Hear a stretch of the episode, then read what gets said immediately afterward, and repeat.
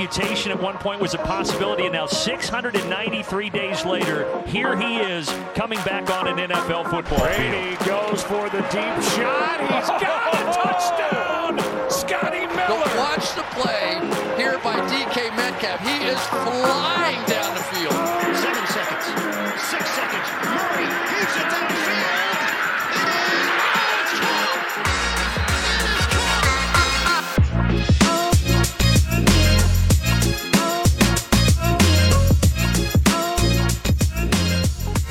bij een nieuwe aflevering van de Sport Amerika NFL podcast. En het is tijd voor de week 2 recap. Week 2, de zondag in ieder geval staat in de boeken. Er komen nog twee wedstrijden aan vanavond. Maar laat ik zeggen dat we inmiddels al genoeg dingen hebben om over na te praten. En uiteraard, net als elke week, doe ik dat niet alleen. Want ik ben samen met Lars Goedemiddag. en met Sean. Goedemiddag. Ja, volgens mij hebben jullie allebei, hè? volgens mij hebben wij alle drie eh, redenen om eh, eh, flink te glimlachen na deze zondag. Was het niet voor het prachtige voetbal dat we hebben gezien van alle velden, dan was het wel om onze eigen teams natuurlijk. Volgens mij hebben wij alle drie een, een win kunnen bijschrijven. Eh, waarbij ik eh, zeer ruidelijk zal toegeven dat die van mij het minst mooi eruit zag. Maar ja, goed, hè, de Patriots, what you gonna do. Ehm, nou ja, goed, we hebben heel veel mooie dingen gezien. Dolphins, Ravens, Jets, Browns, allemaal schitterende wedstrijden. Cardinals die nog een schitterende comeback hebben. Komen we allemaal zo maar laten we eh, traditiegetrouw beginnen bij het begin. Namelijk jullie momenten van de week. En Sean, ik begin bij jou. Ja, ehm tuurlijk wonnen my Giants, maar ehm, vooral door wat er uiteindelijk daarna gebeurde. De touchdown van Nick Chubb, die, eh, die Cleveland een eh, voorsprong gaf van 14 punten. Maar ja, zonder die touchdown hadden de Browns wel gewoon gewonnen. Dus eh, dat is mijn moment van de week. Ja, want even voor de goede orde. Chubb die loopt daar zijn derde touchdown van de wedstrijd binnen. Alle fantasy spelers in de hele wereld juichen, maar de headcoach wellicht wat minder. Want inderdaad, als hij gewoon niet de endzone inrunt, ehm, dan... De Jets hadden volgens mij geen timeouts meer. Dus Nee, die geen hadden geen two-minute warning, nee. niks.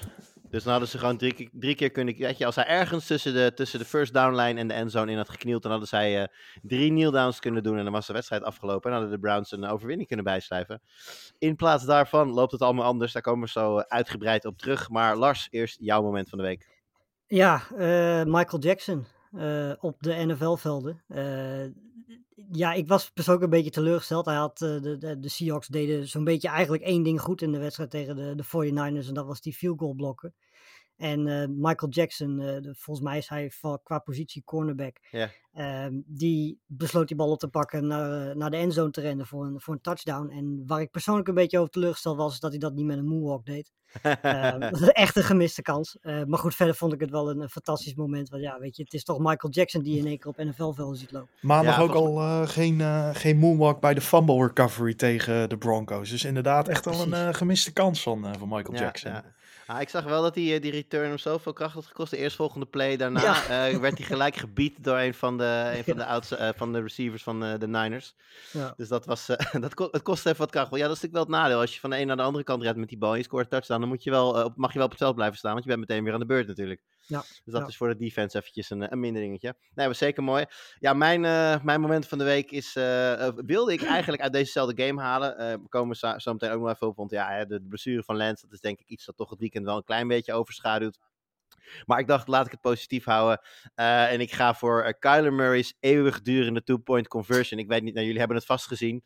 Eh goede vriend van mij, die heeft er een Benny Hill muziekje onder eh, gemonteerd. en dat maakt het allemaal nog vele malen mooier natuurlijk. Hoe de Raiders niet in staat zijn om Murray binnen, nou, hoe, hoe lang duurt die play uiteindelijk? Ik geloof een seconde of 10. 21 seconden. 21 seconden, nou, gevoelsmatig ik tussen de 10 en 15. Ja. Maar goed, 21 seconden later loopt hij dus eh, na eh, continu gezocht te hebben naar iemand waar hij de bal kon eh, toe kon gooien, dan zelf maar die bal binnen. Nou ja, en uiteindelijk eh, gaat de comeback nog even door en, eh, en winnen Murray en de zijne die wedstrijd. Dus dat was voor mij eh, mijn eh, moment van het weekend. Ja, het mooie is ook, die, die benen van Murray passen ook precies Ja. echt perfect onder dat liedje. Ja, ja, ja, precies, op de maat, heel goed. Ja, echt fantastisch. Ja, hij liep Ja, gewoon de be- 80 plus yards. Echt, echt bizar voor, eh, voor een Ja. two-point conversion eh, van Ja, en 7 da- en- yards. En daar had hij nog 400 stapjes voor nodig. Ja, dus dat was, eh, was, was genieten. Nou, genieten was er eerder op de avond ook. Laten we er maar gewoon meteen mee beginnen. Eh, Lars, ik, eh, ik geef hem even aan jou. Neem ons mee naar de doldwaze gekheid die was Dolphins at Ravens. Eh, ja, nou, er was op zich na de eerste helft niet zo heel veel aan de hand. Want eh, de, Ravens waren in principe gewoon beter. Stonden 28-7 voor met rust. eh 14-35 voor in het derde kwart. En ja, in het vierde kwart ging het helemaal fout. Eigenlijk vooral voor de Ravens. Er was nog een field goal tussendoor van, van de Ravens die ze wel scoorden. Maar het was eigenlijk in het vierde kwart vooral de Dolphins. Die scoorden in totaal eh, 28 punten in alleen dat vierde kwart al. Eh, waaronder twee eh, passes van eh Tagovailoa op Tyreek Hill. We hadden ook nog een touchdown pass natuurlijk op, op Craycraft. Waar Tagovailoa heel goed om pressure heen wist te komen. Ja, toen stond het in één keer eh 41-38 in de slotfase. 19 seconden te gaan. En Tua gooide een touchdown naar Waddle, die sowieso een fantastische wedstrijd speelde. Ehm, ook weer een goede paas van, van Tua. En uiteindelijk de- ja, staat het in één keer 41-38. Terwijl je aan het begin van het vierde kwart als eh, Ravens zijnde met 35-14 voor stond. Ehm, en er waren echt wel een paar momenten tussen ook. Waar, waar de secondary er echt heel slecht uitzag. Ja. Die bal, eh, zeker die tweede touchdown van Hill. Daar stond gewoon helemaal niemand. Dat was echt gewoon, de- ja, zo vrij heeft Hill waarschijnlijk nog nooit gestaan.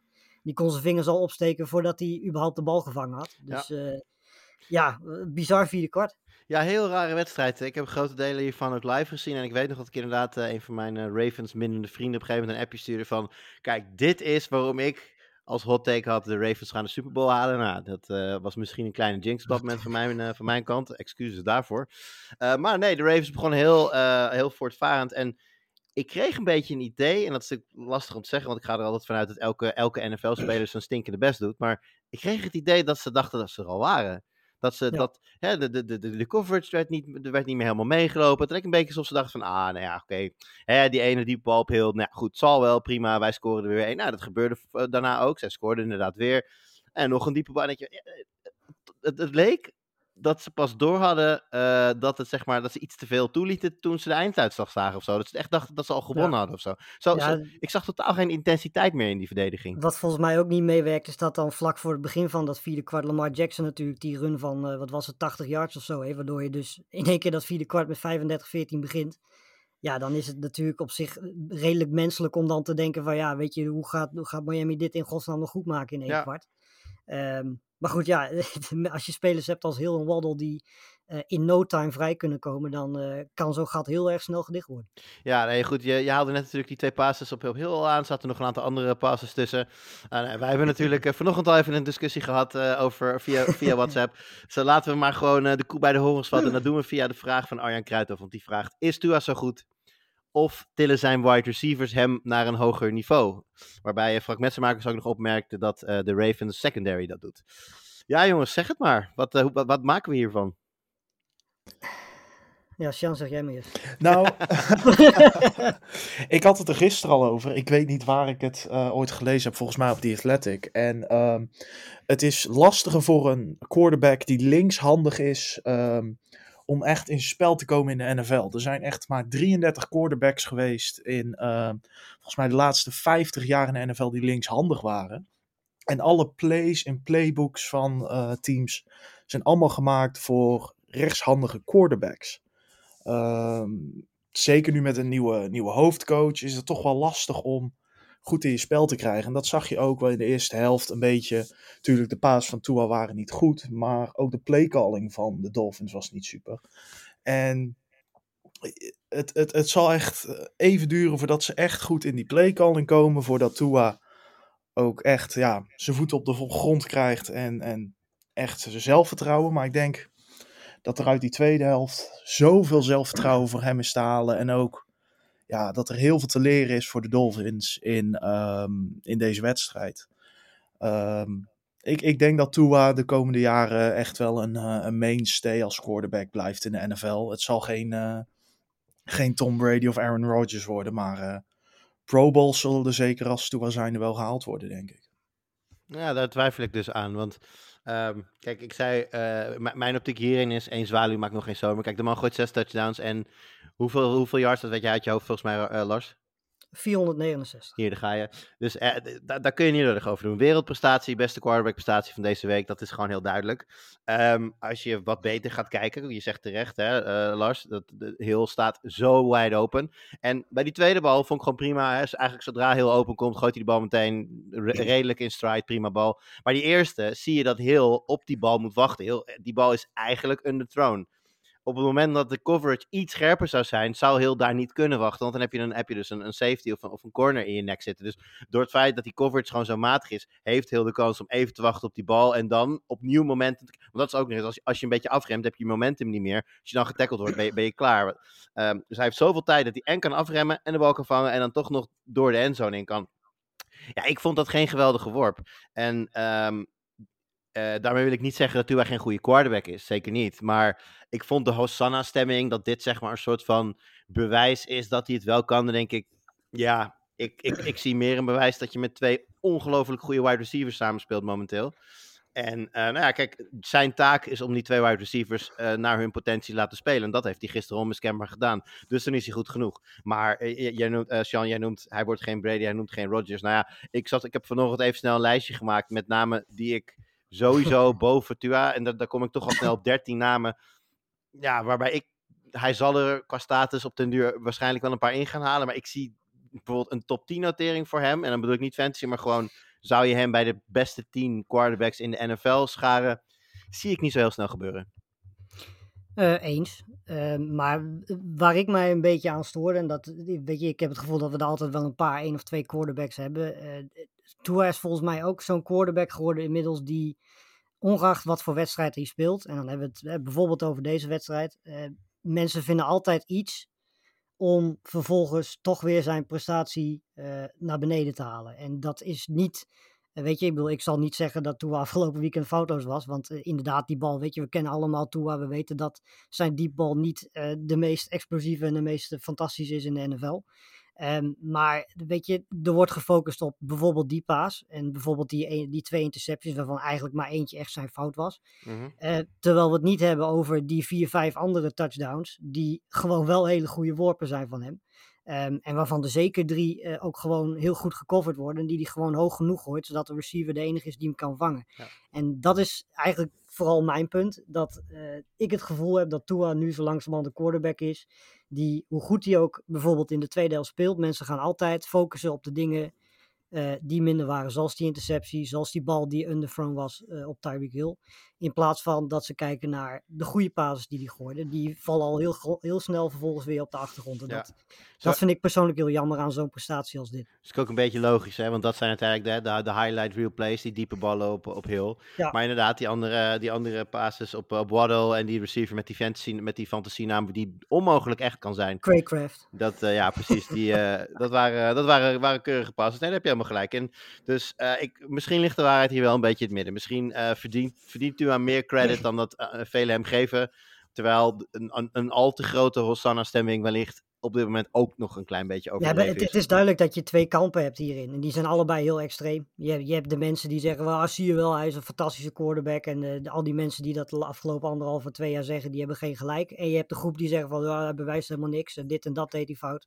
Ondanks dat hij zes touchdown gooide. Weet je, de waarheid zit in het midden natuurlijk. Ja. Ehm, en ik denk dat in het systeem van McDaniel, waar hij nu in speelt, eh, hij gedurende het seizoen, zeker met de wapens die hij heeft, alleen maar beter gaat worden. Want ik heb het idee dat dit systeem gemaakt is voor een, voor een quarterback zoals Tagovailoa. Ja, En als hij iemand kan zijn zoals Goff, zoals Jimmy G, wat volgens mij de rol is waarin hij op zijn best is, eh, ja, dan is dat gewoon prima. En die twee hebben uiteindelijk wel bewezen dat ze de Super Bowl kunnen halen. ja nee, zeker waar.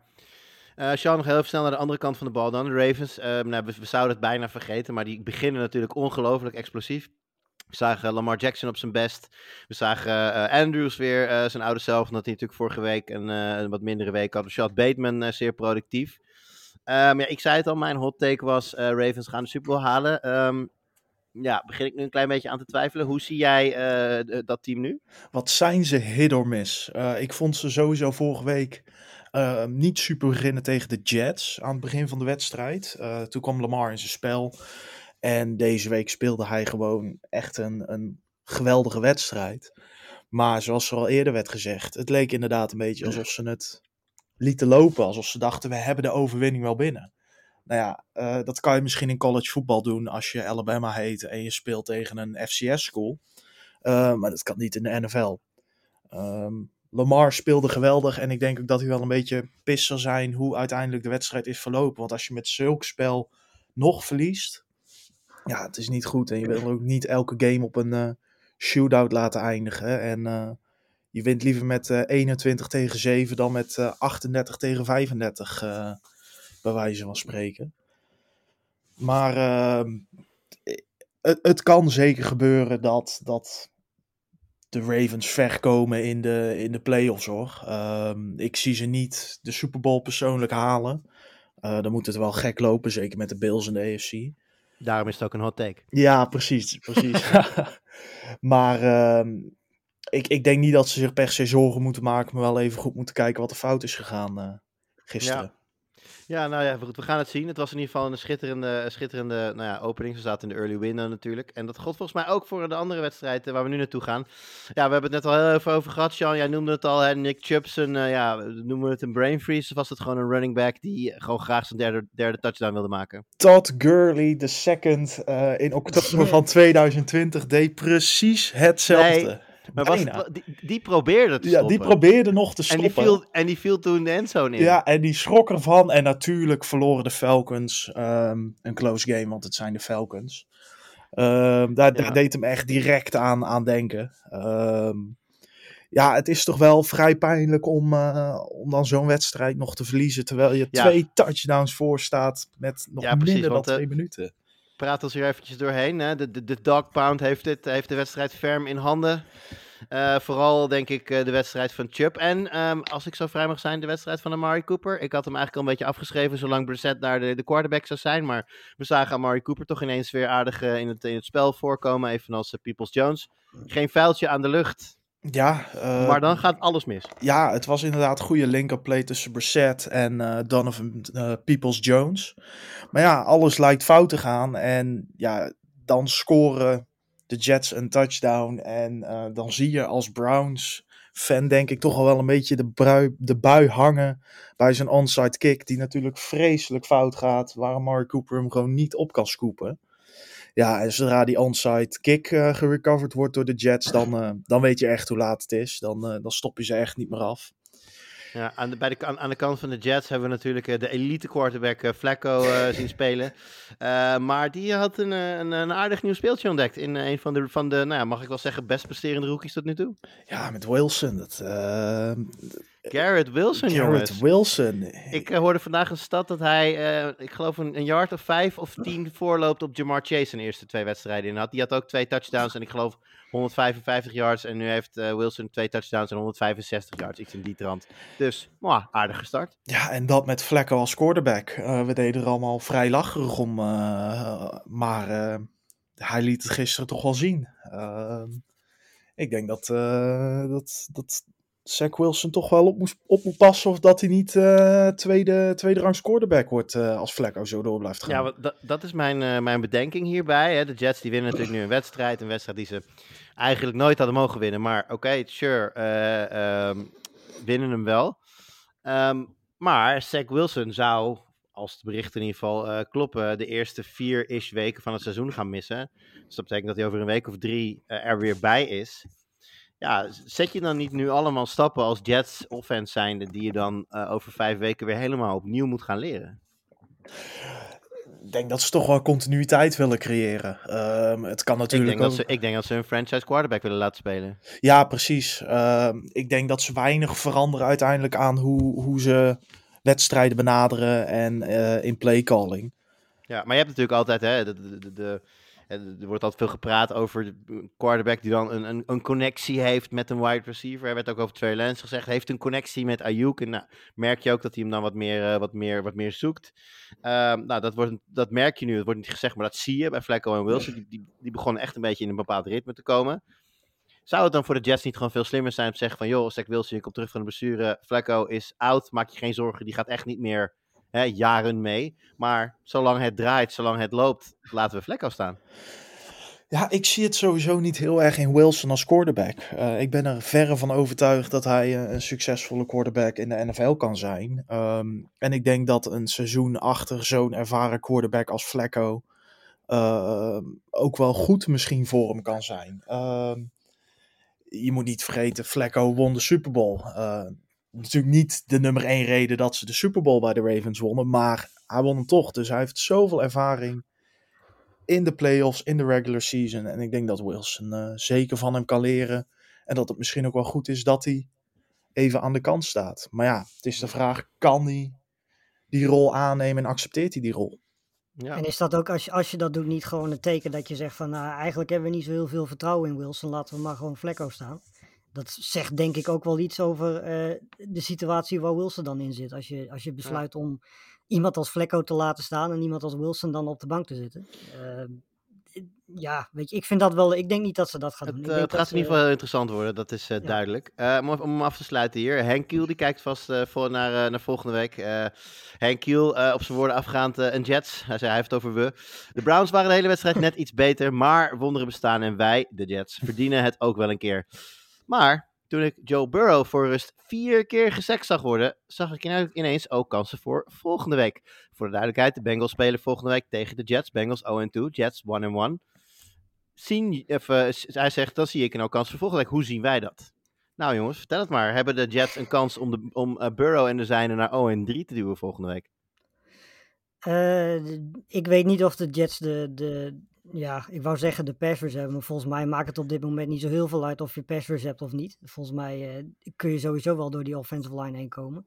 Ik denk dat als er een moment is dat je, dat je van, als Jets zijnde van de Bengals kunt winnen, eh, dat het nu is. Want ik, de, om heel eerlijk te zijn, eh, ja, we komen zo meteen op die wedstrijd tegen de, tegen de Cowboys, maar eh, ik ben wel een beetje verbaasd, niet alleen over die offensive line van de Bengals, maar ook over hoe Burrow loopt te spelen momenteel.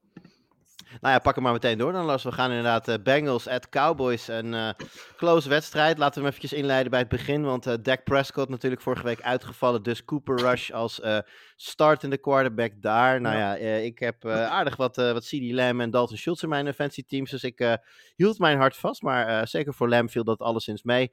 Ehm, ja, finalist. ik bedoel, Super, Super Bowl finalist Bengals tegen quarterbackloze Cowboys. 17-20 voor de Cowboys. Lars, zag jij, zag jij die aankomen? Eh, van tevoren niet. Eh, ik denk dat ik en met mij veel meer mensen het, het idee hadden dat, dat Burrow niet weer zo'n wedstrijd zou spelen als vorige week. Dat deed hij dan ook niet, want hij had geen interceptions.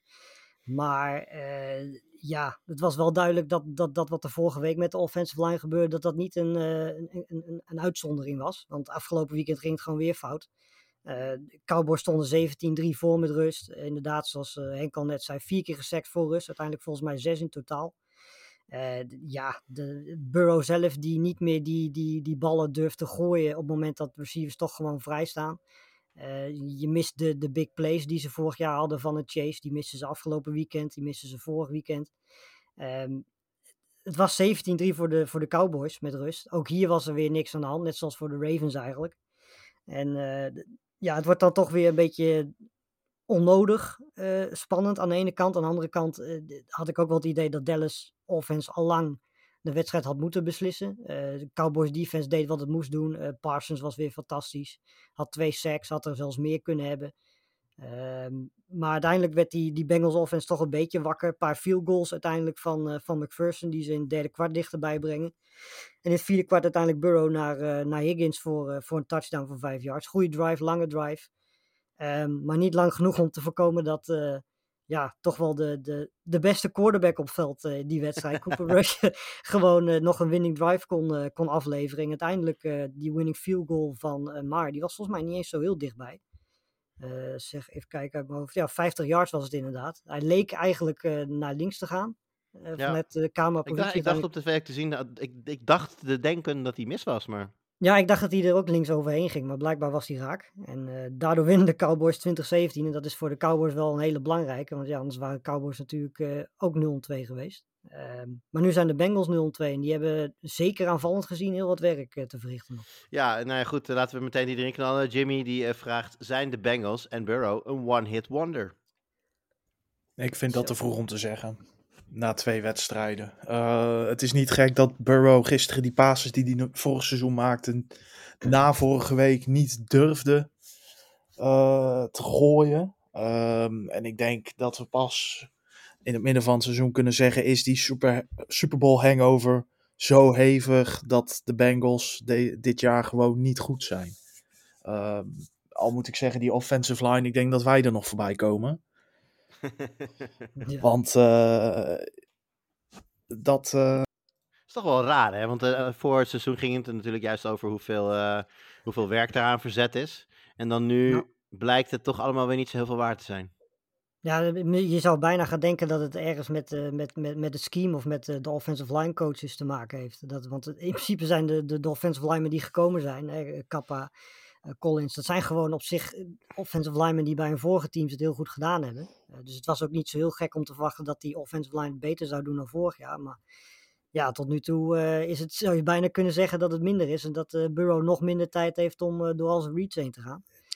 Ja, en dan, dan hou je natuurlijk eigenlijk zelf al eh, automatisch wapens als Chase weg als, als Burrow geen tijd heeft om te gooien. Ja, nou wordt gewoon paranoïde, denk ik. Als je kijkt, in zijn eerste seizoen natuurlijk vreselijk geblesseerd geraakt door een sack. En nu wordt hij elke wedstrijd weer eh, volop gesackt. Ik zag een statistiekje. ehm, de eerste quarterback die zeven wedstrijden op een rij minstens drie keer wordt gesackt. Ja, dat zijn geen eh, numbers die je wil zien als quarterback. Je wil daar gewoon veilig staan en enigszins de tijd hebben om je target uit te kiezen. En niet bang zijn dat er vanaf je blindside in één keer een vent van eh, 150 kilo op je afkomt. Ja. Nee, nee, goed. Bengals eh, eh, onderweg naar eh, eh, de, de Jets dus. dus dat wordt, ja, klinkt raar om te zeggen, maar dat wordt een test. ja, dat wordt een test. Ja. precies. Dan eh, zullen de Bengals moeten laten zien dat ze ook in de win column kunnen gaan komen. Voor de Cowboys eh, blijft het natuurlijk even afwachten eh, op de terugkeer van, van Dak Prescott. Even kijken, Cowboys moeten volgende week op bezoek bij de Giants. Natuurlijk een hele interessante wedstrijd voor de divisie. De 2-0 Giants moet ik daarvan van, van zeggen. Wanneer heb je dat voor het laatst gehoord? Heerlijk. Dus ehm, nou, we, komen, we komen er zo op. We komen er zo op, rustig. Eh, dus dat wordt eh, voor, de, voor, voor de, in ieder geval voor die divisie heel, eh, heel interessant. Cooper Rush in ieder geval redelijk in staat die, ehm, die offense te leiden. Misschien nog een laatste dingetje trouwens. want de offense, we zeiden het net. De run game, jongens, van de Cowboys. Probleem?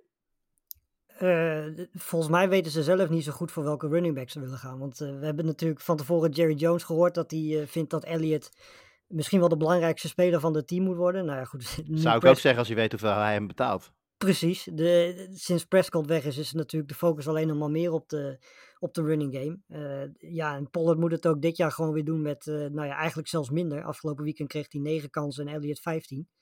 Ehm, ja, ik blijf het opvallend vinden, ondanks dat ik vind dat Pollard helemaal niet een, een running back is die je 25, 30 snaps per, of attempts per wedstrijd moet geven. Ik denk dat hij het beste is als je in een combi kunt werken. Maar goed, tot nu toe werkt die combi met Elliott ook nog niet echt. Eh, en dat zullen ze wel nodig hebben om toch ook een beetje de druk van, eh, van Cooper Rush Ja. eh, weg te halen.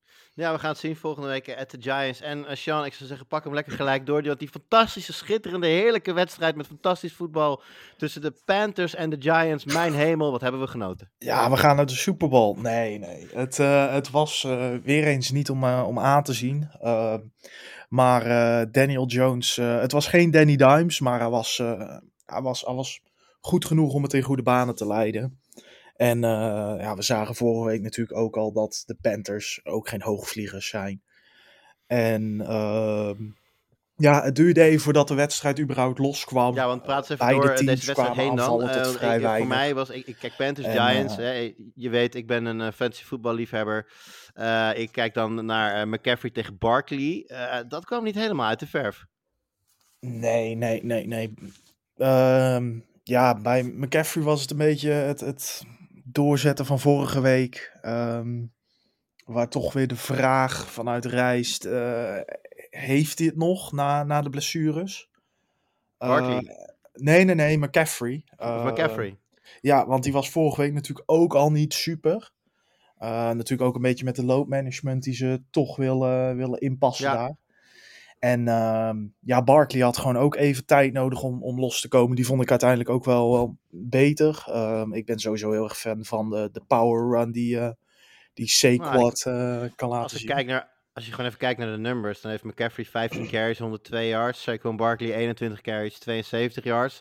Dat is 6,8 tegenover 3,4 gemiddeld. Dus ja, met de Barkley, kijk naar nou, drie catches voor 16 yards. Houdt ook niet echt over. McCaffrey 4 voor 26 ik denk wel dat in ieder geval op papier uh, McCaffrey de betere dag had. Uh, ik ben het wel met je eens voor de eye-test. Dus gewoon puur kijken naar hoeveel power, hoeveel pit straalt eruit. Uh, heb ik betere hoop op Barkley momenteel. Maar ik vond gisteren McCaffrey wel ja, toch wel de, de, de efficiëntere speler. Ja, dat inderdaad. Wat je, je zegt inderdaad. Uh, het uh, zag er gewoon veel overtuigender uit bij Barkley. Um, En sowieso bij, ja, de Giants waren niet, niet heel overtuigend. De Panthers natuurlijk ook niet. Maar gelukkig heb je een reliable kicker met eh, Graham Gano, die, eh, die toch wel zijn field goals maakt. Dat, eh dat weten Giants. We waren ook niet zo jaren. dichtbij, hè? Waren echt wel hele, hele verre kicks. Ja, hij doet het al jaren. En natuurlijk krijgt Justin Tucker zoveel lof over zich heen. Maar ik vind dat, eh dat Graham Gano een beetje underrated is eh, in dat opzicht. Zo Ja, betrouwbaar. ook, ja, maar is natuurlijk ook wat je, als jij kicker bent van een team dat in principe niet echt een high-flying offense heeft. En dus ook niet zo heel vaak in die situaties komt dat je als kicker de, de, de hero kan zijn. Dan, ja, dan is het denk ik lastig om jezelf te manifesteren als een van de betere, grotere. Hè, hoe vaak- Justin Tucker, die kennen we van de 50 yarders waarmee ze een wedstrijd winnen. Ja, die kans krijgt Gano gewoon niet zo heel vaak. Ja, de of ja, Graham Gano, die ken ik van de, de kicks, eh, waardoor het in plaats van 21-0 21 21-3 wordt. Eh, ja, dan mag je wel voor 55 yards zijn, maar dan zal hij inderdaad niet de highlight reels mee halen. Maar eh, ja, ik denk dat hij juist daarom een beetje ondergewaardeerd is, omdat mensen hem gewoon veel minder zien, omdat mensen de Giants gewoon veel minder zien. Wat Ja. te begrijpen is. Ehm, het is ook niet altijd heel leuk om naar te kijken natuurlijk, maar eh, ja, ze slepen toch weer de overwinning eruit.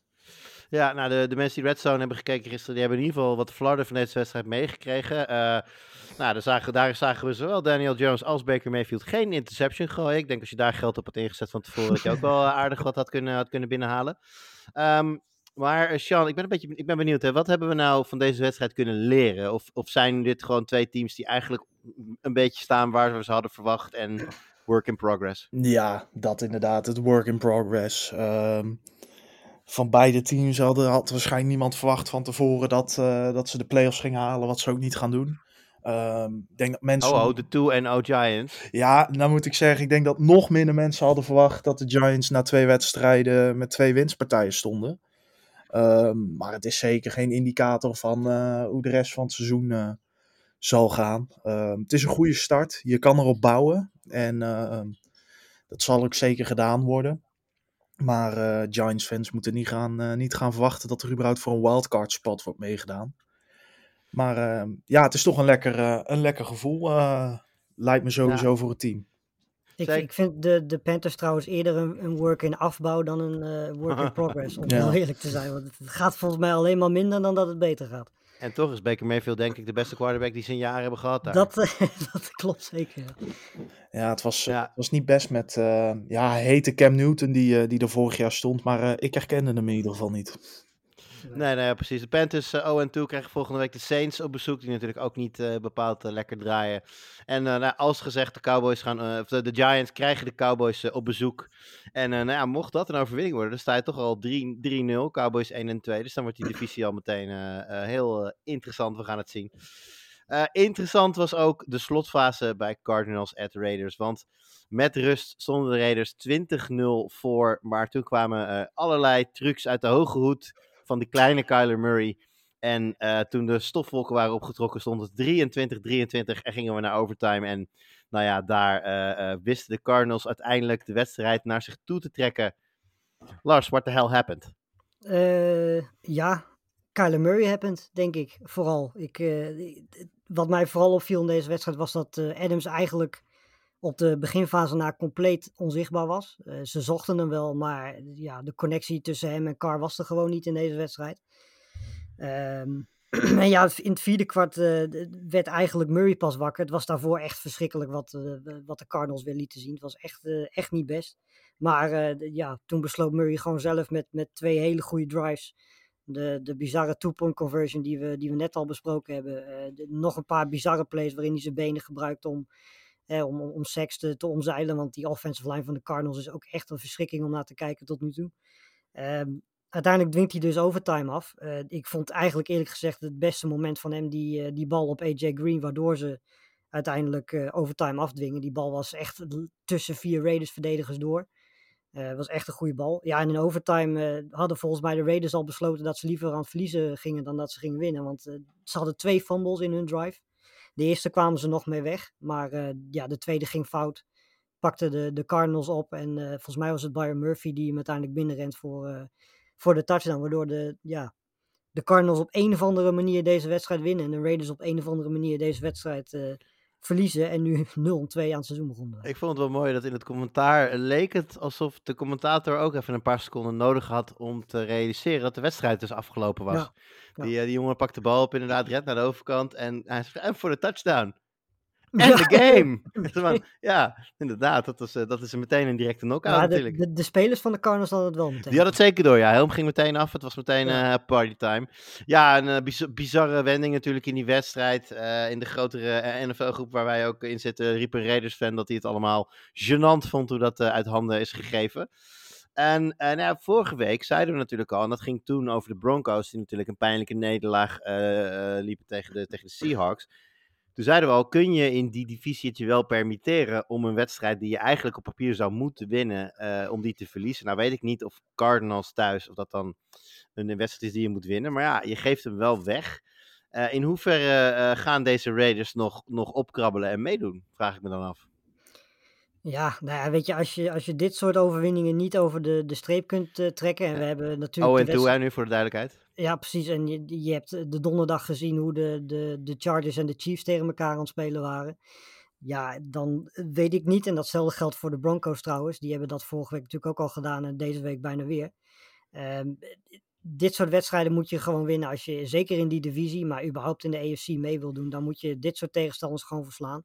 En eh, Arizona is op dit moment gewoon een zooitje. Daar moet je eigenlijk ook gewoon van winnen. Zeker als je zo voor staat. Ehm, maar eh, ja, op een of andere manier hebben ze voor elkaar gekregen om dat niet, niet te doen. En ze mogen nu wel echt aan de bak. Want ja, ze hebben hierna de Titans, eh, de Broncos, de Chiefs. Dat zijn eigenlijk drie wedstrijden waar de drukte wel meteen op ligt. Ja, dat zullen er eh, twee en misschien wel gewoon drie wedstrijden voor drie wins in moeten zitten. Willen ze eh, Ja. ja, weer gaan aanhaken bij de teams die jij net al noemde. De, de Chiefs en de Chargers, die daar waarschijnlijk de lakens gaan, gaan uitdelen. Tenminste, Chargers natuurlijk even afwachten. eh, de, die, eh, de, de blessure aan de ribben van, eh, van Herbert is serieus in die zin. Maar het goede nieuws voor de Raiders is wel dat ze nu quarterback 3 in hun divisie hebben. Niet meer quarterback 4. ja, want- omdat Herbert er tussenuit valt bedoel je? Of? Nee, omdat eh, Wilson op dit moment als een kant, Ah. kant loopt te spelen. Nou ja, laten we die meteen maar eh, er even bij pakken dan. Want eh, de Broncos kregen de Texans op bezoek.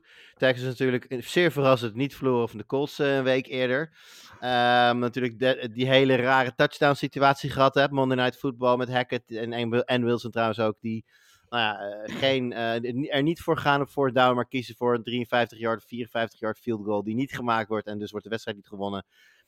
Het, ehm, het werd nog niet echt beter, eh, Sean, deze week. Het was eh, dramatisch. Het- ze werden volop uitgejoeld door de eigen fans. Ze hebben wel gewonnen, laat ik het er meteen even bij zeggen. Ze hebben 16-9 gewonnen van de Texans. Dat, eh, voor, de, voor de Broncos fans out there, dat, er is wel gewonnen. Maar, nu geef ik hem weer terug aan jou, Sean. Ja, je wint met 16 tegen, tegen 9 tegen de. Texans. Het- terwijl er zoveel hype was om Russell Wilson in Denver. Ehm, hij verloor natuurlijk snel Jerry Judy, maar dat, ja, dan moet je er eigenlijk nog overheen lopen als je je hype wil waarmaken. Ehm, de red zone offense van de Broncos is abominabel slecht. Het is echt bizar. Ze hebben eh, volgens mij vier snaps gehad eh, binnen de Texans 2-yard line. En daar hebben ze alle vier een throwing play op gedaan. Ja, Terwijl- ze, ze durfden terwijl vorige week niet meer. Terwijl volgens mij Javante Williams, ja, eh, verbeter me als je, als je het niet vindt, maar toch wel de meest capabele eh, aanvaller lijkt daar. nog. Ja, nee, maar precies. Maar ik vind, ja, ik vind Javante Williams er beter uitzien. En Gordon speelt goed, maar dat zegt meer over hoe Nee, goed. Javante dan is, dan, over, eh, dan dat ik het bedoel als, als, een, als een negatief punt voor Gordon. Ik vind Javante gewoon heel goed spelen. Je komt vier keer op de, binnen de twee yard line, je kiest vier keer voor een passing play. Geen van die passes komt aan en je scoort dus niet. Of, of, of field goal, whatever. Ja, je zou toch denken dat Wilson toch de pijn van het, van het gooien terwijl je had moeten rennen op de one yard line eh, wel, wel kent. Maar het, eh, het, eh, het is, ja nee goed, het is ehm, bar en boos. Ja, twee fumbles vorige week op de goal line ook tegen, tegen Seattle. Misschien zijn ze daarom misschien een beetje bang geworden om, het, om de bal te rennen. Maar ja, de, de playcalling eh, is inderdaad nog niet sterk bij, eh, bij Denver. En dat zie je ja, in het spel terug. Vooral de red zone offense, waar het gewoon keer op keer op keer op keer gewoon niet lukt om een touchdown te krijgen. En ja, dan heb je close games tegen teams die eigenlijk eh, vol in de tank zitten. En ehm, ja, je hoort het als, als Denver zijnde gewoon niet lastig te hebben tegen de Texans, met alle respect. Ja, maar je, je geeft op een gegeven moment heb je volgens mij een, een third and two, geloof ik, op de, op, op de helft van de Texans. En dan geef, geven ze de bal aan tight end slash fullback back, die volgens mij in totaal twee keer ooit met een bal gerend heeft. Terwijl je en Williams en Gordon hebt. Nou, dat gaat fout, vanzelfsprekend. En dan vervolgens eh, wil je de field goal gaan kicken, maar mis je een kicker. Waardoor je een timeout moet callen, waardoor je dus... Oh nee, je had er zelfs delay of game, waardoor ze dus achteruit gingen. Eh, geen field goal konden kicken. Eh, en vervolgens moeten ze dus die bal wegpunten. Eh, dan hadden we vervolgens in het vierde kwart ook nog een, een, een moment dat ze moesten punten, maar dat er geen punten was. Ja, weet je, dat zijn toch dingen die je eigenlijk, weet je, het is natuurlijk makkelijk om dan meteen allemaal dat aan Hackett, maar hij is uiteindelijk wel eindverantwoordelijk. Uh, ondanks dat ik vind dat dat soort dingen dan toch vooral bij de special teams uh, coordinator neergelegd moeten worden. Maar uiteindelijk is Hackett wel degene die eindverantwoordelijk is. En uh, volgens mij is het na deze eerste twee weken wel gebleken dat hij uh, nog een beetje zoeken is hoe hij zich als headcoach moet gedragen. Dat ja. zeg je heel netjes. Ja, Jimmy die, Jimmy die uh, vraagt slash stelt via Twitter. moet er al een headcoach ontslagen worden en waarom is het Hackett? de playcalling zeg je erbij. ja, ik bedoel, overreactions zijn een ding, maar hij is natuurlijk onervaren als headcoach in ieder geval. de rest van de coachingstaf zit ook niet heel veel ervaring in. Nee. Maar zouden de Broncos nu al moeten ingrijpen? Nou, je kon onder de playcalling van uh, Denver ook wel een Benny Hill muziekje zetten, denk ik. Want uh, het was gewoon niet goed. Ik denk niet dat je direct moet gaan ingrijpen. Uh, Hackett toch de kans geven. Je staat nu na twee wedstrijden, hoe je het ook went of keert, gewoon op one-and-one. -one. er is eigenlijk nog niet echt iets aan de hand als je kijkt naar de record van Denver.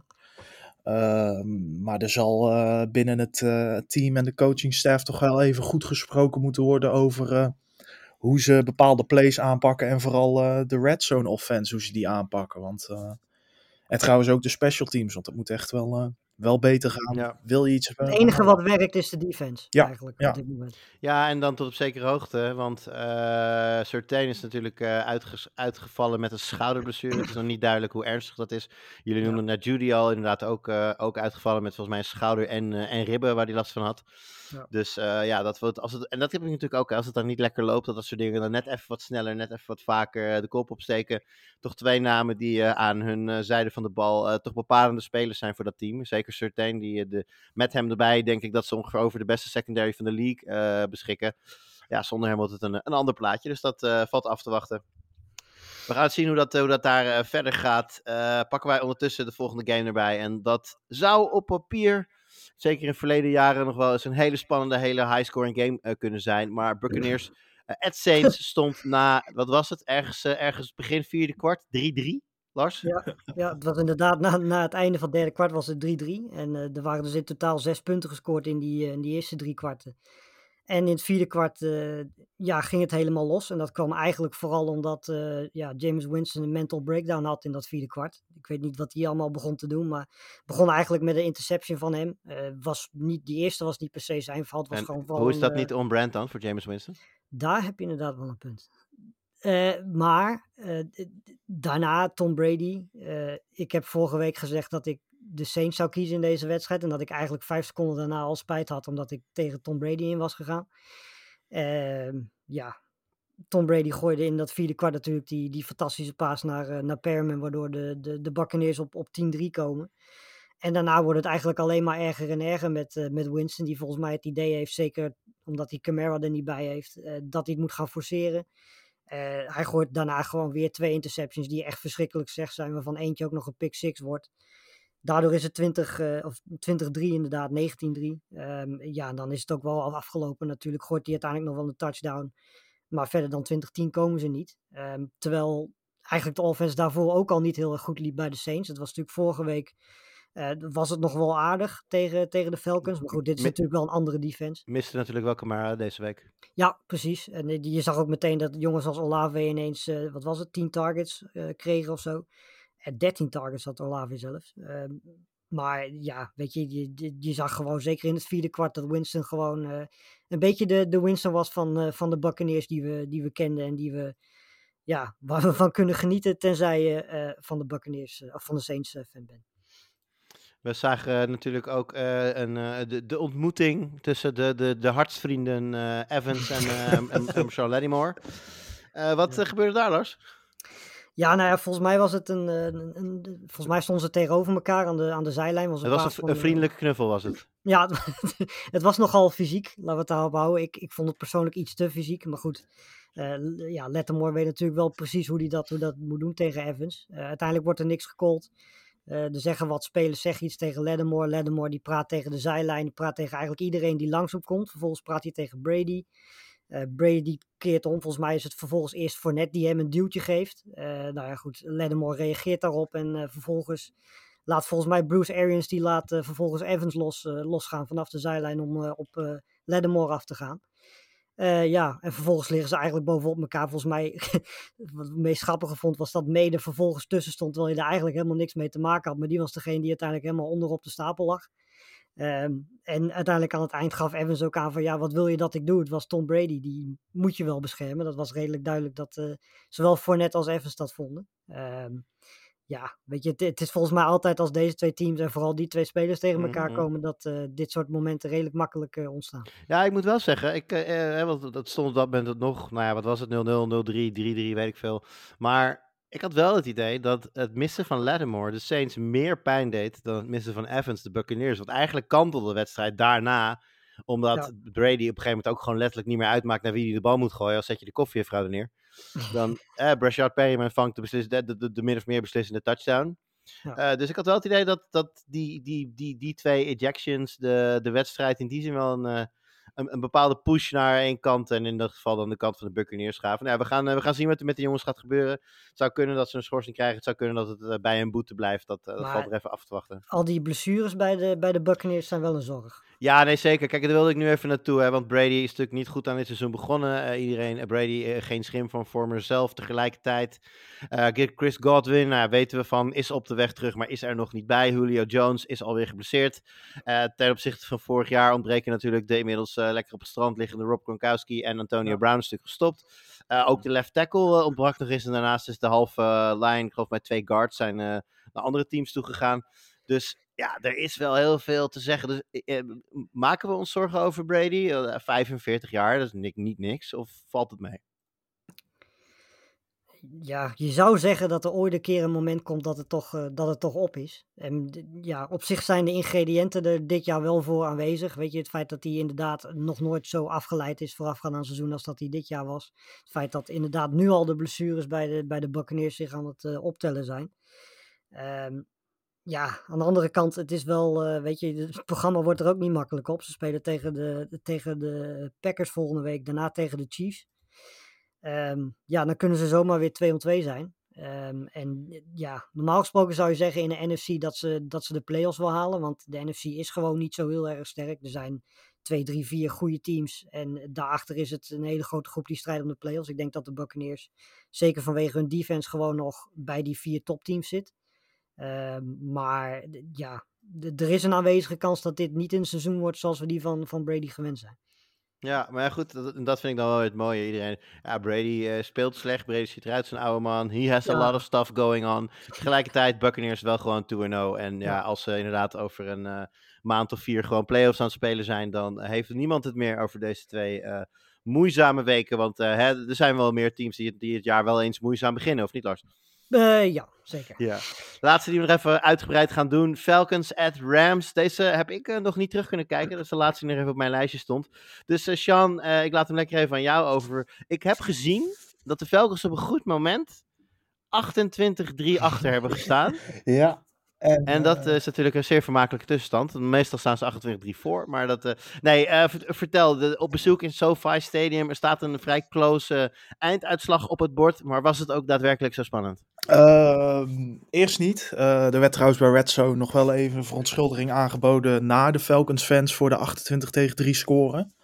Ehm, ja, ze kwamen toch wel erg close. Ehm, eigenlijk gewoon door fouten van de Rams, die goed werden afgestraft door de Falcons. Eh, een blocked punt met een touchdown, Cup die de bal liet vallen.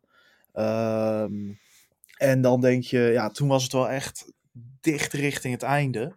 Eh, toen ja, pakte de Rams eigenlijk een play uit het boekje van John Harbaugh in Super Bowl volgens mij 47 en namen een, eh, een, een, een safety eh, om zeker te zijn dat eh, de klok afliep. Wat ze overigens vreselijk deden. eh, waardoor er best nog wel veel tijd op de klok stond. Ehm, ja, maar ja, dan heb je Marcus Mariota en die gooide een, een interception naar Jalen Ramsey. Die vervolgens reageerde alsof hij weer de Super Bowl had gewonnen.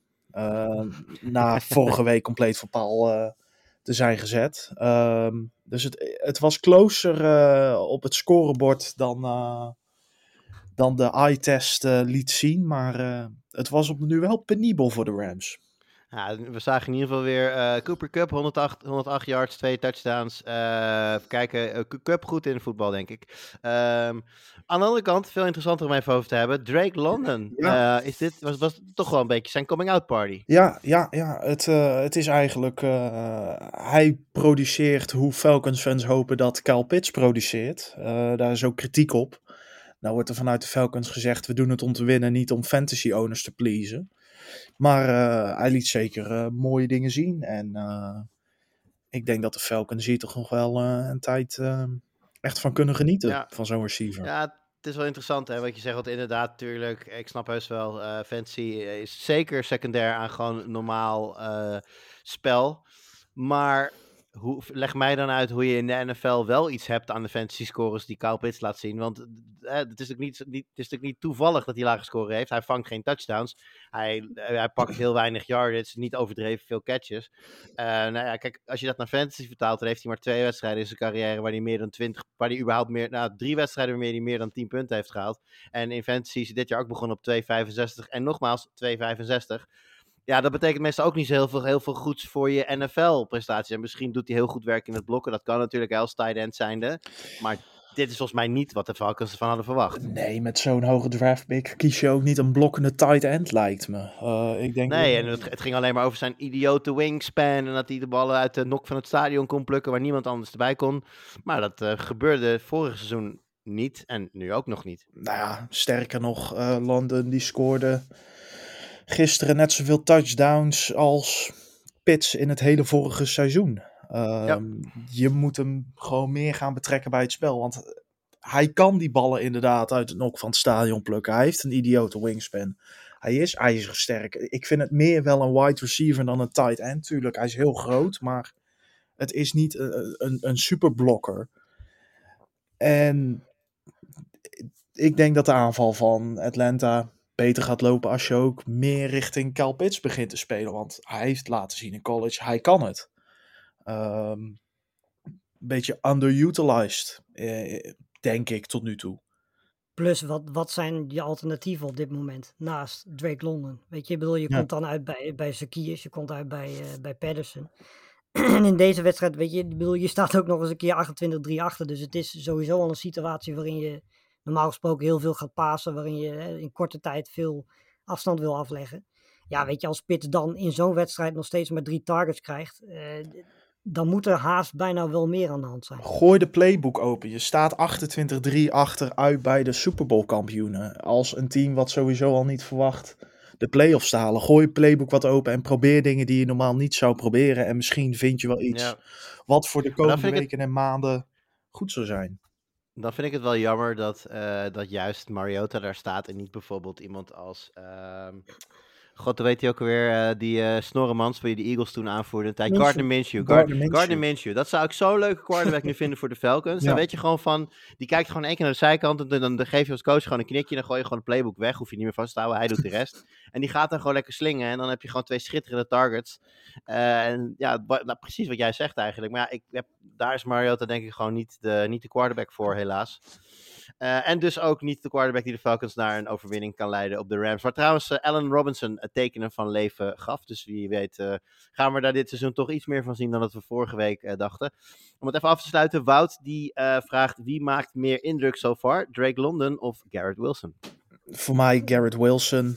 gewoon het feit dat die een vrij oude quarterback heeft. Die eigenlijk al lang was afgeschreven door alles en iedereen. Ja, en die, maar goed, om, om, ja, Mariota's, ik bedoel, ik heb dan nog steeds liever denk ik Flacco, denk ik, om, om ballen te vangen, van, van te vangen. Dan, maar, dan Mariota. Ja, dat zeker. Maar als je kijkt naar eh, alle verhaallijnen om Flecko heen en het, uh, het lacherig doen rondom Flecko, dat het toch wel knap is dat, uh, dat Garrett Wilson en Flecko samen zoiets laten zien. Ja, zeker waar. Goed, zijn er nog een uh, klein handjevol wedstrijden waar we nog even snel doorheen moeten. Ik ram er een paar uit de weg en dan kunnen we bij... Uh, nou, kijk, we gaan denk ik licht over het uur, maar dat mag vast wel. Uh, Patriots at Steelers kunnen we vrij snel afdoen. Hele lelijke wedstrijd om naar te kijken. Defensieve wedstrijd met name, wat we eigenlijk van de Patriots al de laatste jaren al steeds gewend zijn. Um, noemenswaardig, Aguilar, hele mooie kast. Eigenlijk een beetje een Mosca catch, hè, jongens. En een bal, bal, voor de borst van een verdediger wegplukken en, en doorrennen. Nou, uiteindelijk Patriots net iets sterker winnen de wedstrijd 17-14 en zijn daarmee in ieder geval uh, van de nul af. Eén uh, vraag die ik hierbij wel heb, is het tijd om gewoon Trubisky naar de bank te verwijzen. En de jonge Kenny Pickett zijn kans te gaan geven. Want eerlijk, wat kunnen de Steelers verliezen? Ja, volgens mij hebben, hadden Sean en ik in, de voor, in een voorbereidingspodcast al besloten dat dat uh, tijdens de bye week gebeurt. Dus ja. dat is week 9. Dus ze zullen nog even vol moeten houden. Oké, okay, nou goed, we gaan het zien. Steelers, uh, ja, eigenlijk hetzelfde vorige week. Ik pakte natuurlijk uh, interception na interception tegen de Bengals. Deden er te weinig mee. Net genoeg om te winnen, dat wel. Maar uh, toen zagen we eigenlijk al dat die aanval heel weinig in huis had. En dat bleek ook tegen de Patriots. Weer Patriots winnen in Pittsburgh met 17-14. Uh, dan jongens, de Colts at de Jaguars. Ja, kan ik heel snel klaar mee zijn. Maar ik wil, ik wil toch even benoemen dat de Colts nu... Colts verliezen met 24-0 van de Jaguars. Uh, staan nu 0-1-1 en, en hebben gehad de Jaguars en de Texans. Dit is toch niet waar wij de... Nou ja, ik zal niet zeggen favoriet voor AFC playoffs. Maar een plek in de playoffs hadden, hadden velen hen wel toegedicht. Wat is daar aan de hand? Ja, die offense is gewoon een zoortje op dit moment. Zeker als, uh, als, als Taylor uitgeschakeld wordt, wat de Jaguars uh, gewoon heel goed deden. Ik bedoel, Taylor had in totaal 54 yards, waarvan één uh, run 21 yards was. ja, als je Taylor uit het spel weet te halen, dan krijg je het probleem dat die, die offensive line en Matt Ryan de dingen moeten doen. En zeker als Pittman er dan vervolgens niet is, is het duidelijk heel erg zoeken. En die, ja, die offensive line was echt niet goed. Ik bedoel, nee. die, die front 4-5 van de Jaguars kwamen er eigenlijk constant doorheen. En als dan Ryan ook nog eens een keer drie interceptions gooit, dan, uh, de, ja, dan ben je eigenlijk vrij kansloos. En, en, daarnaast moet ik ook zeggen, Trevor Lawrence speelde misschien wel zijn beste NFL-wedstrijd tot nu toe. Ik denk je dat misschien wel uh, redelijk weg kunt laten. Samen, een goede connectie ja. ook met Kirk, die ze natuurlijk veel geld hebben gegeven in het offseason. Dus dat, uh, dat was goed om te zien. Ja, en met Ryan, kijk, ik heb een beetje het gevoel dat bijna ieder seizoen wel een quarterback, zeg maar, door de ouderdomsgrens heen crash en burn. Meestal bij de Colts ook. En ja, dat zeker. Maar ook vorig jaar natuurlijk Roethlisberger bij, de, bij, bij Pittsburgh. Nou ja, op Brady zitten we al een decennium te wachten zo ongeveer.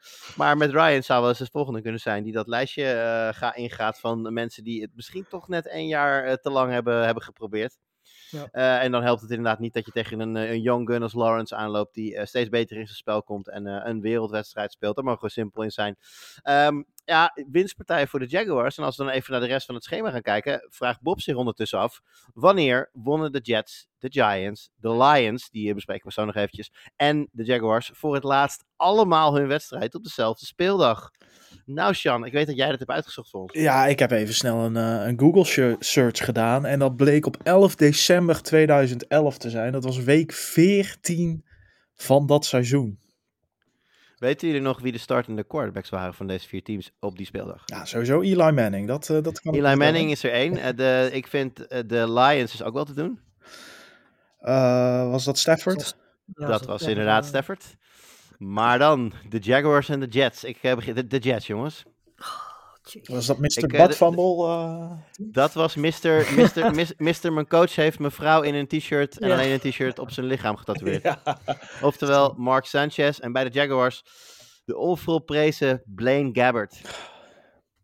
Ja, en die bliezen toen trouwens de Jaguars. Volgens mij was dat de Jaguars tegen de Buccaneers. Die bliezen de Buccaneers weg met 41, 14 geloof ik. Dus, tijden ja, zijn veranderd. Andere tijden, inderdaad. En nou ja, de Lions, we, we, we, we haalden ze erbij. Lions dus ook gewonnen. Ja, toch wel een beetje de darlings van iedereen natuurlijk door Hard Knocks. Uh, maar even los daarvan, ook gewoon een heel erg leuk team om naar te kijken. Spelen leuk voetbal. En uh, ja, winnen toch wel overtuigend van de Commanders. Commanders komen wat later in de wedstrijd nog wel wat terug. Maar uh, ja, de, de Lions maken het af. En um, ja, dit zijn niet je last season uh, Giants, ik bedoel Lions. Dit zijn niet je last season Lions, jongens. Nee, uh, als Michigan-fan genoot ik natuurlijk ook flink van Aiden Hutchinson, die er even drie, drie sacks uitgooide. Ja, en, ja arme Wens. En uh, en met Sam Brown, die, eh, die echt, eh, echt heel goed weer speelde. Ja, de, de hand van, eh, van Dan Campbell is eindelijk, eh, eindelijk te zien en vertaalt zich eh, niet alleen in vechtlust, maar ook in het, eh, het uiten van talent van de spelers. Dus eh, nou is Washington natuurlijk ook niet het allersterkste team, maar ze zijn in ieder geval van de hatelijke nul af. En dat veel eerder dan in veel van de vorige seizoenen. Ja, dus ze gaan natuurlijk volgende week eh, op bezoek bij de Vikings. Dat wordt Vikings spelen natuurlijk vanavond nog in Monday Night Football. Dus die eh, staan nog op 1-0. Eh Lions 1-1. Dus dat wordt meteen voor de divisie al interessant. Al was het maar om te kijken hoe, ja, hoe, wie, de, wie de echte kans hebben. Wie er een bordje mee kunnen gaan spreken in de divisie. Ik denk dat we erover één kunnen zijn dat de Bears dat niet gaan zijn. Want Lars, de Bears die gingen op bezoek bij de Packers. Nou, ja, de, de quarterback van de Packers is de eigenaar van de Bears, weten we sinds een, sinds een aantal jaar. En dat bleek maar weer. Ja, nee, dat, eh, ik moet zeggen, het begin was nog wel een beetje eh, zorgwekkend. Want de Bears hadden meteen een hele goede drive. Eh, het enige wat eigenlijk bij de Bears werkte was de, was de running game. Montgomery kwam boven de 100 yards uit, 122 in totaal. Maar ja, Fields had niet veel te vertellen. Die, die offensive line werd eigenlijk constant verslagen door de verdedigende lijn van de Packers. En ja, daarnaast had, had Aaron Rodgers er ook zin in. 19 of 25, 234 yards, twee touchdowns. Eh, Watkins was eh, de, de belangrijkste receiver eigenlijk zo'n beetje van, eh, van de wedstrijd. Eh, 93 receiving yards. En dan had je ook nog Aaron Jones, die, die er zin in had. 132 eh, rushing yards en een touchdown. Dus ja, het was eigenlijk niet heel veel aan de hand. Behalve dat de Packers in de tweede helft zichzelf met twee fumbles nog een beetje onnodig moeilijk maakt. Ja, het was misschien wel meer de wedstrijd van Aaron Jones dan de wedstrijd van Aaron Rodgers. Ja, In die zin is. Aaron Jones misschien inmiddels wel een beetje de co-owner van de Bears. Maar dat, eh, dat, eh, dat zag er goed uit. Het zag er overtuigd uit. Net als, net als dat Montgomery er aan de andere kant goed uitzag met 122 rushing yards. Dat is dan een, eh, een lichtpuntje voor de Chicago Bears. Maar die waren duidelijk eh, niet, niet bij machten om het de Packers lastig te maken dit weekend. Dus dat valt Hebben jullie trouwens die, die touchdown gezien van Fields die niet geteld werd? In het, volgens mij was dat eind derde kwart. Nee? Ik weet niet of dat het een touchdown was. Het, het was, Nee, het, het was moeilijk te zien. Het was echt heel Ja, moeilijk dat- te zien. Oh, is dat, eh, is dat... Ja, wacht even. Dat is natuurlijk waar de hele discussie van eh, de, de, de technologie die Ja. scheidsrechter zou moeten of zou kunnen helpen. En waarbij eh, volgens mij de meeste, de meeste commentatoren en analisten waren het erover eens dat die bal wel degelijk de, de plane had gebroken.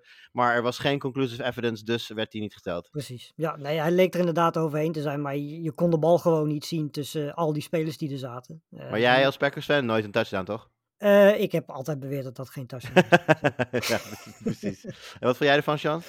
Ehm, ik, ik, ik vond het heel lastig om te zeggen. Het was zo close, er zaten zoveel lichamen voor, maar ik neig dan toch nog wel naar de kant van touchdown. eh.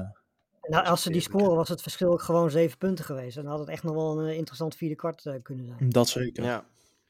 Ja, wellicht had het dan eh, anders gelopen, maar helaas voor de Bears was dat niet het geval. Gaan wij door naar de laatste wedstrijd van, eh, van gisteren. Ja, ik, eh, ik, ik noemde het al heel even aan het begin, maar Seahawks op bezoek bij de 49ers werd natuurlijk vooral overschaduwd door het uitvallen van Trey Lance, die ja, met zijn been onder, onder twee verdedigers terecht kwam, of eigenlijk ja, half gesandwiched werd met dat been. Ja, en dat betekent meestal hele slechte dingen. Gelukkig was het op televisie niet super goed te zien wat er nou precies gebeurde, maar nou ja, op het moment dat de aircast, eh, de, be- de aircast erbij wordt, eh, wordt gehaald, dan weet je dat het eh, er niet goed uitziet voor Trey Lance, die een, eh, een, een enkelbreuk lijkt te hebben. En eh, nou ja, vrijwel zeker de rest van dit seizoen eh, niet meer zal spelen voor de 49ers. En dus eh, is het weer eh, Jimmy Garoppolo eh under center. En voordat we nog even naar de rest van de wedstrijd kijken, meteen maar even de vraag van Arjan Kruithoff hierbij. Zijn de Niners nu een grote Super Bowl contender met Jimmy G under center? En de, ja, de- deze vraag betekent eigenlijk is Jimmy Garoppolo momenteel een betere quarterback dan Trey Lance voor de Niners? Ja, Ja. dat denk ik wel. Ik, eh, de- het ding is gewoon met, met Jimmy G, weet je gewoon, dat zag je ook toen, ze, toen die inviel. Je weet gewoon, hij kent het systeem. Je weet wat hij de afgelopen jaren heeft laten zien. Je weet wat je van hem kunt verwachten. En eh, daarom was het begin van dit jaar ook zo moeilijk om de 49ers in te schatten. Want je hebt gewoon geen idee hoe Trey Lance het in zijn eerste seizoen gaat doen. Eh, nou is het natuurlijk niet eerlijk om hem op basis van die wedstrijd tegen de Bears, waar je, waar je zo'n beetje beter waterpolo kon spelen. En gisteren was het ook weer klote weer. Precies, dus weet je, het is wat dat betreft helemaal niet eerlijk om hem nu al eh, te gaan afschrijven. Maar eh, weet je, met Jimmy G op het veld heb je toch meer het idee dat de 49ers verder kunnen komen. Ook omdat je weet wat je kunt verwachten. En ja, toen hij op het veld kwam, werd het gat ook al gauw sneller met, met de Seahawks. Ja, nou ja, goed. Het uh, krachtverschil met de Seahawks was in ieder geval immens. Het stond al 20-0 bij rust. Uh, op dat moment hadden de Niners ook al twee keer zoveel yards. Het hielp niet dat de Seahawks uh, lekker penalty yards aan het verzamelen waren. Vooral 90 plus penalty yards en dan ook nog eens een keer drie turnovers weggeven. Um, je gaat je wel afvragen hoe de Broncos van deze Seahawks hebben verloren. Ja, inderdaad. Goed, en uh, wat natuurlijk bij, bij, de, bij de Niners nog wel helpt, hè? Nick Bosa, die zijn, uh, die zijn uh, kenmerkende handjes een paar keer naar het, naar het publiek mocht laten zien van, was it me? Maar het was zeker hem. Twee sacks en ja, een goede wedstrijd voor de Niners, die zich herpakken inderdaad na, na vorige week. En nou ja, helaas hun beoogde franchise quarterback zien wegvallen, maar met Jimmy. Sowieso, wil jij nog iets zeggen over deze wedstrijd? Ja, ik, ik schreef afgelopen week een artikel over Lawrence Stelen, waar ook natuurlijk de besturen van van, uh, van Joe Theismann voorbij uh, kwam. En dat deed me een beetje aan denken dat er uh, twee grote zware mannen op een been verkeerd vielen. Ja. Dus uh, daar schrok ik wel een beetje van. Ik wilde trouwens ook nog even het, de vraag van Arjan beantwoorden. Want daar praten we ja, eigenlijk nog een klein beetje omheen.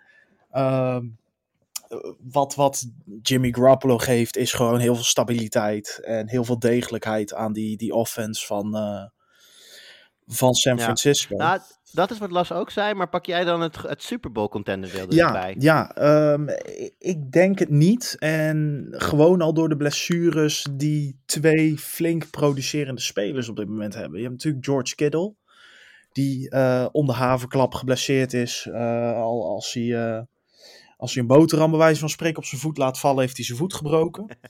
en Elijah Mitchell ligt er natuurlijk ook al maanden uit met een, eh, met een kniebandblessure. Ehm, ik denk dat je daardoor te vroeg in het seizoen wordt afgestopt door je blessures om, eh, om echt een Super Bowl run te maken.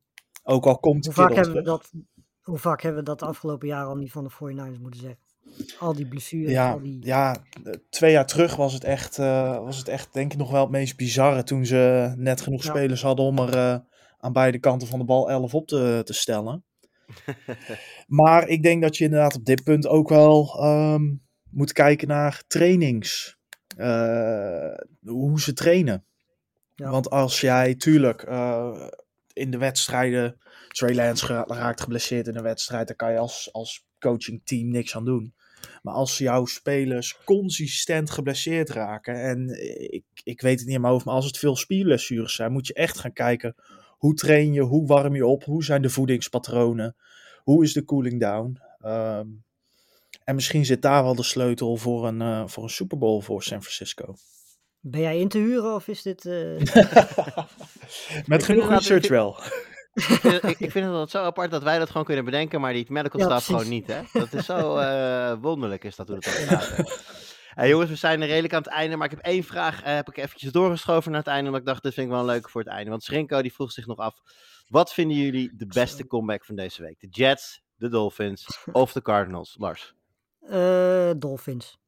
omdat?